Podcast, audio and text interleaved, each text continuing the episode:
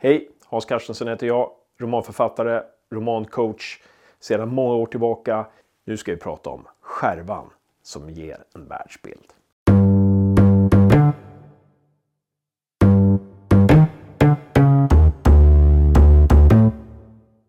Som jag varit inne på förut så kan det vara lätt att när man jobbat med mycket förarbete som författare så vill man liksom visa allt det där också för läsaren.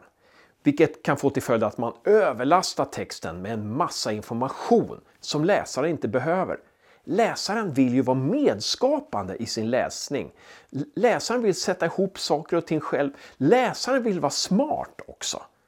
Läsaren får ju bilder och vill göra egna bilder av det som händer. Därför är det inte så bra att som Honoré Balzac brukade göra i sina romaner att inleda med flera sidor av miljöbeskrivningar.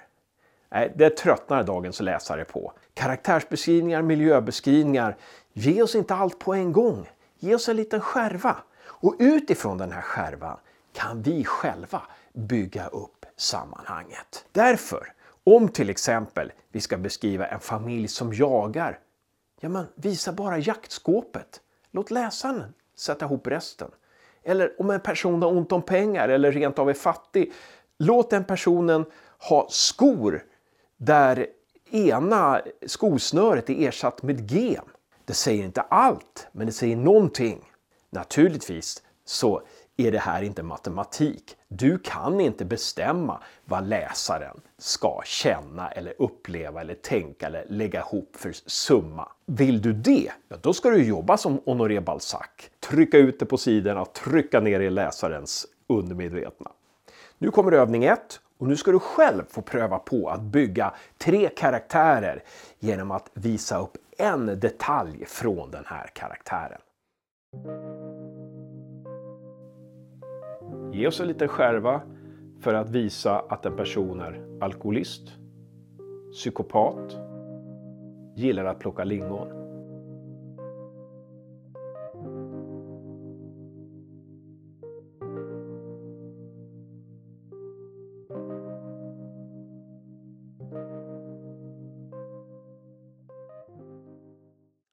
På samma sätt kan du jobba med detaljer eller skärvor eller fragment eller vad du vill kalla det för när du ska visa upp en backstory.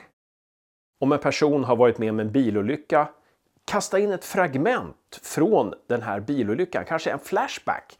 Den här personen bara minns något kort utan att vi får allting på en gång.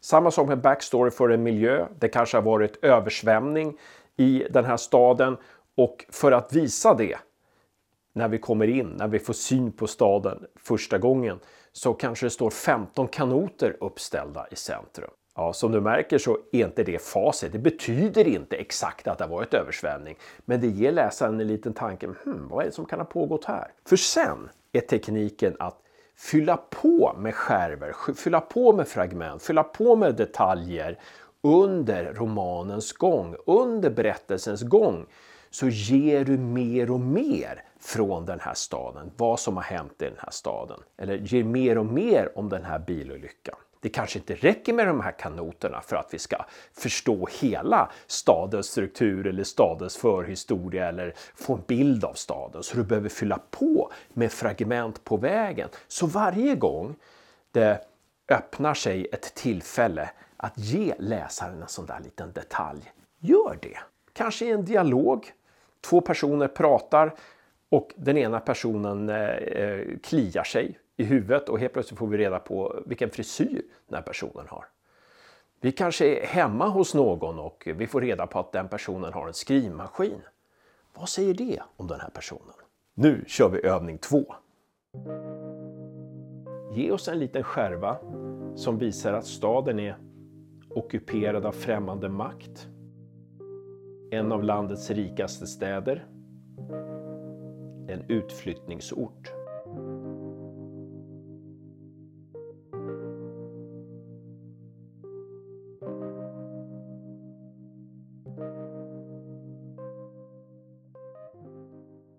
Och det här med att ge läsaren information genom fragment eller skärvor, detaljer.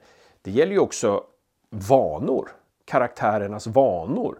Om en karaktär reser mycket på solsemester, jag menar, låt berättaren panorera förbi ett skåp där det står 15 tuber med eh, solskyddsmedel. Och nästa gång kanske du kan fylla på med eh, en resebroschyr med att någon pratar om en resa. Ett fragment, en skärva kan sällan stå på egen hand. Du måste sätta ihop några skärvor för att läsaren ska kunna föreställa sig hela bilden. Ja, då har vi pratat om skärvor som speglar en värld. Nästa gång så pratar vi om något annat. Vill du inte missa det så ta, tryck på prenumerera-knappen där. Och lycka till med romanen.